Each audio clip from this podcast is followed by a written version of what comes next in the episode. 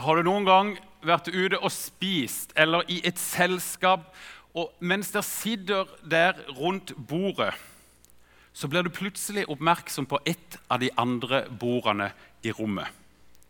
Det foregår noe rundt det andre bordet. Det er veldig god stemning der. Og det har vart ei stund. Og det, ser ikke, og det ser ikke ut som det skal slutte heller. Det bare fortsetter. Du ser at de smiler, og du hører at de ler. Men du sitter sånn til at du kan ikke få med deg, du får ikke tak i hva det er de snakker om. Og du hører heller ikke punchlinen i vitsene. Det er er vitser de forteller. Det er noe veldig tiltrekkende ved, ved latter på det bordet ved siden av. Men du får ikke tak i hva det er, og du har ikke del i det som foregår der. Kan være ganske frustrerende. Var det noe av dette Nikodemus hadde gått og kjent på før han kommer til Jesus denne natta? Vi vet at du er en lærer kommet fra Gud. For ingen kan gjøre disse tegn du gjør, uten at Gud er med ham. Men Nei, det står ikke noe 'men' der. Men det er akkurat som vi hører det likevel. Hva er det med Jesus? Det foregår ting rundt han. Han gjør seg bemerka, og folk kommer til tro på han. Nikodemus skjønner at det er et eller annet, men så får han ikke tak i hva det er. Han skjønner at Jesus har et eller annet, men han klarer ikke å sette finger på hva det er. Latteren på det andre bordet, den har ikke Nikodemus del i. Antageligvis så er det flere som ikke helt har skjønt hva dette var. Nikodemus sier 'vi vet'. Nikodemus var en eh, høytstående mann. Han var en mann med makt. Han var en av jødenes rådsherrer. Han var fariseer. Han var en av de åndelige lederne i landet, og han la vind på å leve rett. Og så hadde de kanskje kommet sammen, da, han og noen av de andre eh, medsammensvorne, de andre lederne. Og så hadde de snakka rundt Jesus. Hvem er denne mannen? Åssen skal vi forholde oss til han? Hva skal vi gjøre med han? Åssen det foregikk før, det vet vi ikke. Kanskje sendte de Nikodemus av gårde for å høre med Jesus om de tingene. Eller kanskje gikk Nikodemus helt på egen hånd. Vi vet ikke hvordan det var. Men Nikodemus kom iallfall til Jesus. Og han rekker ikke engang å spørre Jesus før Jesus svarer. Og han får et hardtslående svar. Den sterke, fromme og religiøse Nikodemus blir stående som et spørsmålstegn tilbake. Helt ribba. Han som hadde kommet til Jesus for å snakke med Jesus om de tegnene, de miraklene han gjorde, han får høre du trenger et mirakel, Nikodemus. Du må bli født på nytt. Nikodemus hadde innordna seg etter Bibelens befalinger. Han levde et godt og hederlig og moralsk liv og var et eksempel for andre. Antageligvis så gikk han de fleste en høy gang.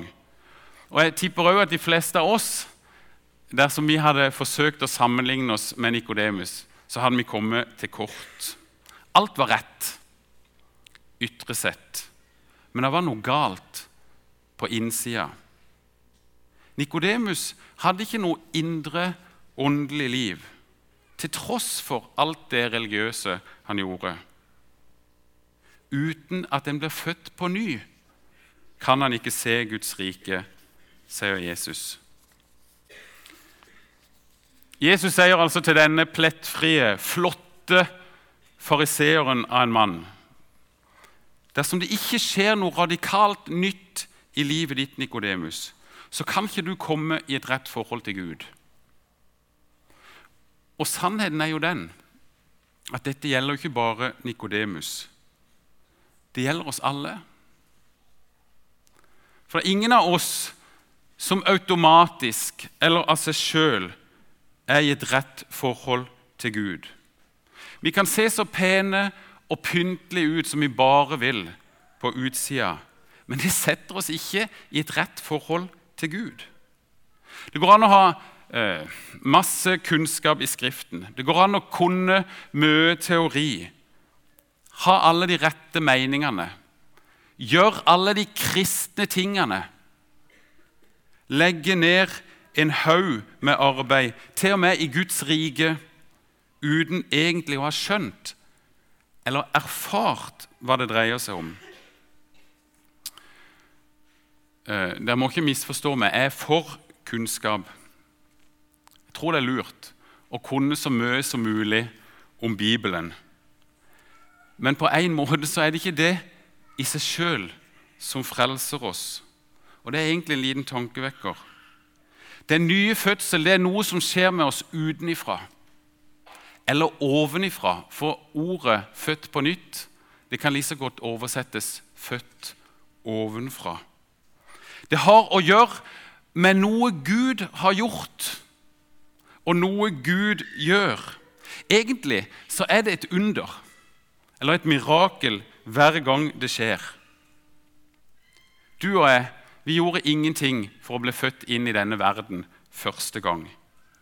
Og vi kan heller ikke gjøre noe sjøl for å bli født på nytt. Uten at en blir født av vann og ånd, kan han ikke komme inn i Guds rike, sier Jesus videre i vers 5. Jesus refererer til løftet som Gud ga folket gjennom profeten Esekiel, hundrevis av år før samtalen med Nikodemus. Fra den teksten som Eli leste her for oss litt tidligere i møtet. Jeg stenker rent vann på dere, så dere blir rene. Jeg renser dere for all urenhet og for alle avgudene. Jeg gir dere et nytt hjerte, og en ny ånd gir jeg inni dere. Gud har gitt folket sitt løfte om et nytt hjerte. Du som er Israels lærer, Nikodemus, veit du ikke det? Det nye hjertet er først og fremst et hjerte som er rensa fra synd. Renset fra all urenhet, står det i Esekiel. Gud sier noe lignende gjennom profeten Jeremia òg. Jeg vil legge min lov i deres sinn og skrive den i deres hjerter. For jeg vil tilgi skylden deres og ikke lenger huske synden, står i Jeremias 31. Det var derfor Jesus kom. Når Maria var blitt gravid, så viste en engel seg for Josef. Engelen forklarte omstendighetene rundt Maria og at hun skulle føde en sønn. Og Josef han skulle gi gutten navnet Jesus. Hvorfor det? For han skal frelse sitt folk fra deres synder. Og Når Johannes døperen ser Jesus komme, så peker han på Jesus og så sier han, Se der Guds lam, som bærer bort verdens synd. Vi kan ikke gjøre noe sjøl for å rense hjertet vårt innenfor den hellige Gud. Vi kan arbeide dagen lang, kan forsøke, be inderlig, bite tennene sammen og virkelig ta oss i sammen. Men hjertet vårt vil likevel være fullt av synd. Det lar seg ikke forbedre til fullkommenhet. Og det er faktisk det som er standarden. Renselsen er en gave fra Gud. Den er en nåde som vi kan få ta imot utenifra. For jeg vil tilgi skylden deres og ikke lenger huske synden. Jeg vil lese noe for dere som jeg leste for noen dager siden, og som handler om dette. Hvert menneske har rett til å høre dette ordet av meg. Jeg er din rettferdighet. Og hvert menneske har rett til å si til meg, den rettferdige, jeg er din synd. For jeg har overført min rettferdighet til synderne hvis de vil ta imot den. Og jeg har båret vekten av den fordømmelse som all synd er skyldig i.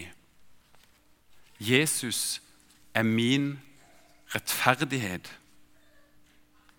Han døde for meg. Hver gang du hører navnet Jesus, så kan du si til deg sjøl Han er min rettferdighet. Du kan faktisk gjøre det til en øvelse. Går du i misjonssalen, så hører du Jesu navn ganske ofte nevnt. Og Leser du i Bibelen, så dukker det òg opp titt og stadig. Og når du gjør det, så kan du si til deg sjøl Han er min rettferdighet. Du trenger ikke å si det så høyt. Du kan si det helt stille til deg sjøl. Han er min rettferdighet. Og hvis du vil, så kan du slenge på et lite halleluja òg. Når du kommer til Jesus, så tilgir han deg alle syndene dine, og han gir deg sin rettferdighet. Og så gjør han noe mer enn det. Han følger deg med sin hellige ånd. Når Jesus kommer inn i et menneskes liv, så kommer han med hele seg. Helt ifra starten av. Det er ikke sånn at når vi blir frelst, så får vi tilgivelse for syndene, eh, og så blir vi overlatt til oss sjøl. Nei, når Jesus kommer inn i et menneskes liv, så utruster han oss òg for det som skal komme.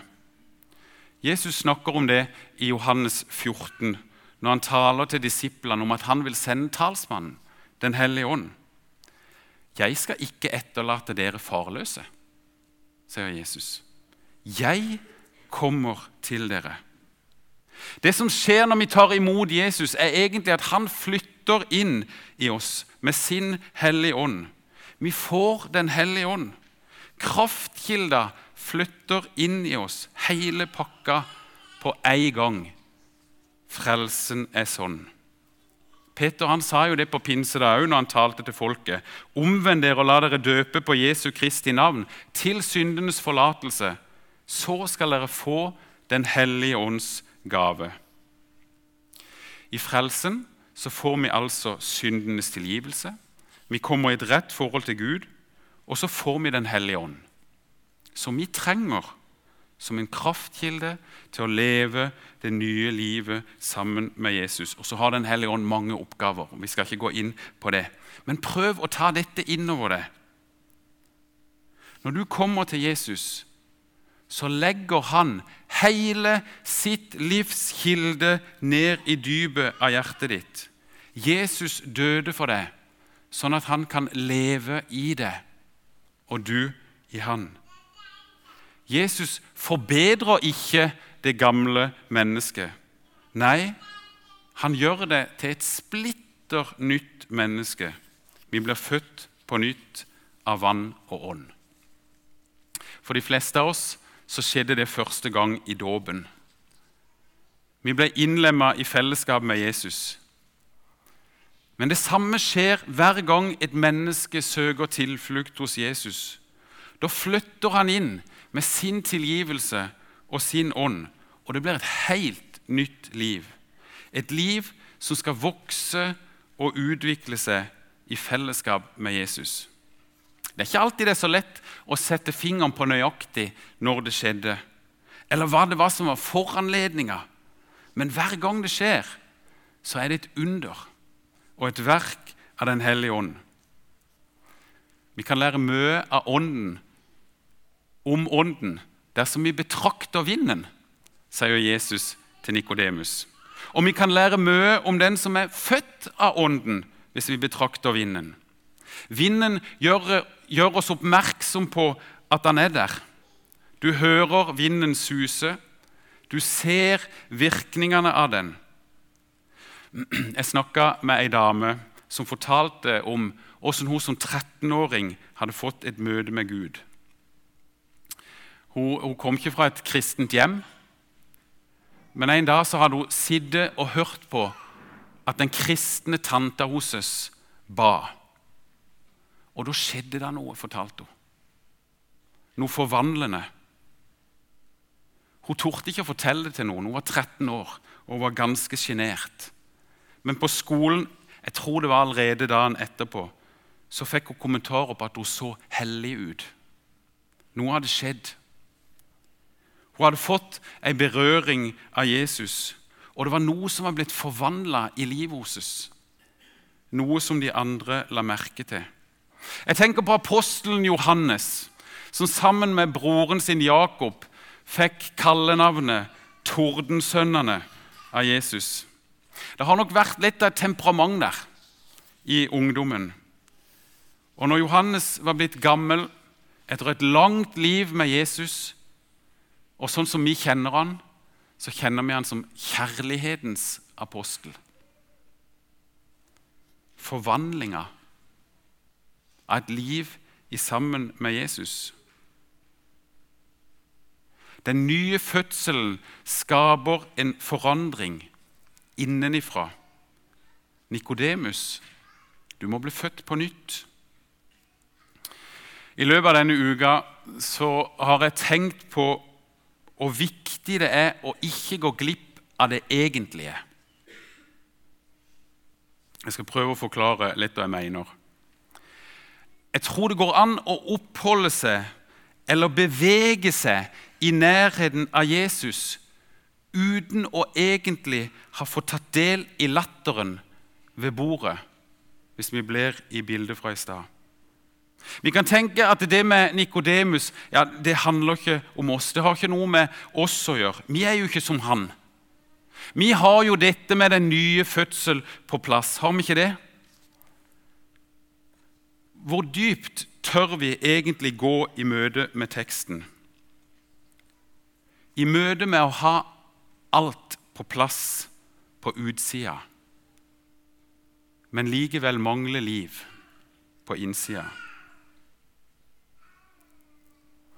Et møte eh, med teksten om den bortkomne sønnen i Lukas 15 ryster meg litt med tanke på dette. I den nye oversettelsen har fortellinga eh, fått overskriften 'Sønnen som kom hjem'. Og Det er mulig at dette er en mer riktig overskrift. Men det er ikke han jeg identifiserer meg mest med i denne teksten. Jeg har oppdaga at jeg ligner mer på den sønnen som ble hjemme. Han som hadde tjent faren i alle år, og som hadde lagt vind på å leve etter farens bud. Han klarte ikke å glede seg når broren vendte hjem. Han ble sinna, og så bare veller det opp i han. Her har jeg tjent deg i alle år. Og til min skam så må jeg erkjenne at jeg kan ha lignende tanker. Hvorfor skal det være så lett for noen mens jeg strever og sliter? Har ikke jeg lagt vind på å leve et gudfryktig liv? Har ikke jeg forsøkt å holde meg på den smale sti? Har ikke jeg måttet forsage både det ene og det andre? Jo, jeg vet at jeg har behov for tilgivelse. Jeg vet at uten Jesus og det Jesus har gjort, så har ikke jeg noe som helst sjanse for å bli frelst. Likevel så kan sånne tanker og følelser presser seg fram i meg. Har ikke jeg? Og Det er jo en uhyggelig tanke og jeg kan bli helt fortvila over meg sjøl. For sannheten er jo den at den hjemmeværende sønnen var like fortapt som den bortkomne før han kom hjem. Alt det ytre var på plass, men det indre livet vitna om noe annet. Gud kan frelse den synderen du er, men ikke den helgenen du lader som om du er, leste jeg for et par dager siden. Den hjemmeværende sønnen trengte òg en ny fødsel, selv om han hadde tusla rundt på farens eiendom i alle år. Alt mitt er ditt, sa faren til sønnen. Og her er evangeliet for hjemmeværende sønner og døtre.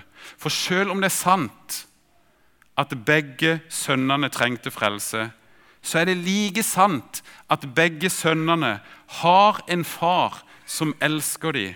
En far som vil ta imot dem, en far som vil omfavne dem, og som sier 'Alt mitt er ditt'.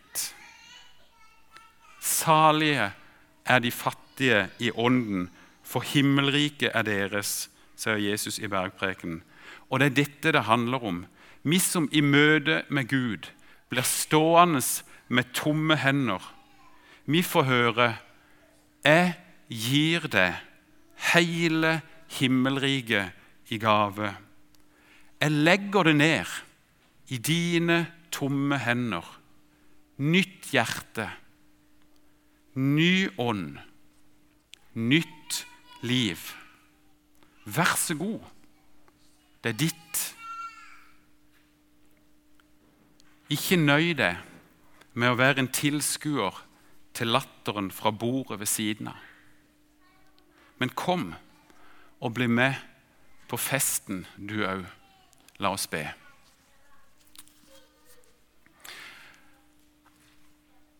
Herre, jeg takker deg for at du kjenner oss. Du kjenner oss bedre enn vi kjenner oss sjøl. Du veit hva som bor i hjertet mitt, både på gode og dårlige dager. Og så er du en frelser for virkelige syndere. Og Herre, vi takker deg for frelsen. Vi takker deg for at du har gjort alt som skal til for at vi skal få være dine barn. Og Herre, jeg ber om at du må tale det inn i livet vårt. At du må stoppe oss opp. At du må legge dine armer rundt oss. Og si til oss alt mitt er ditt. Herre, du må si det til oss på en sånn måte at vi hører det og erfarer det, sånn at vi kan si takk.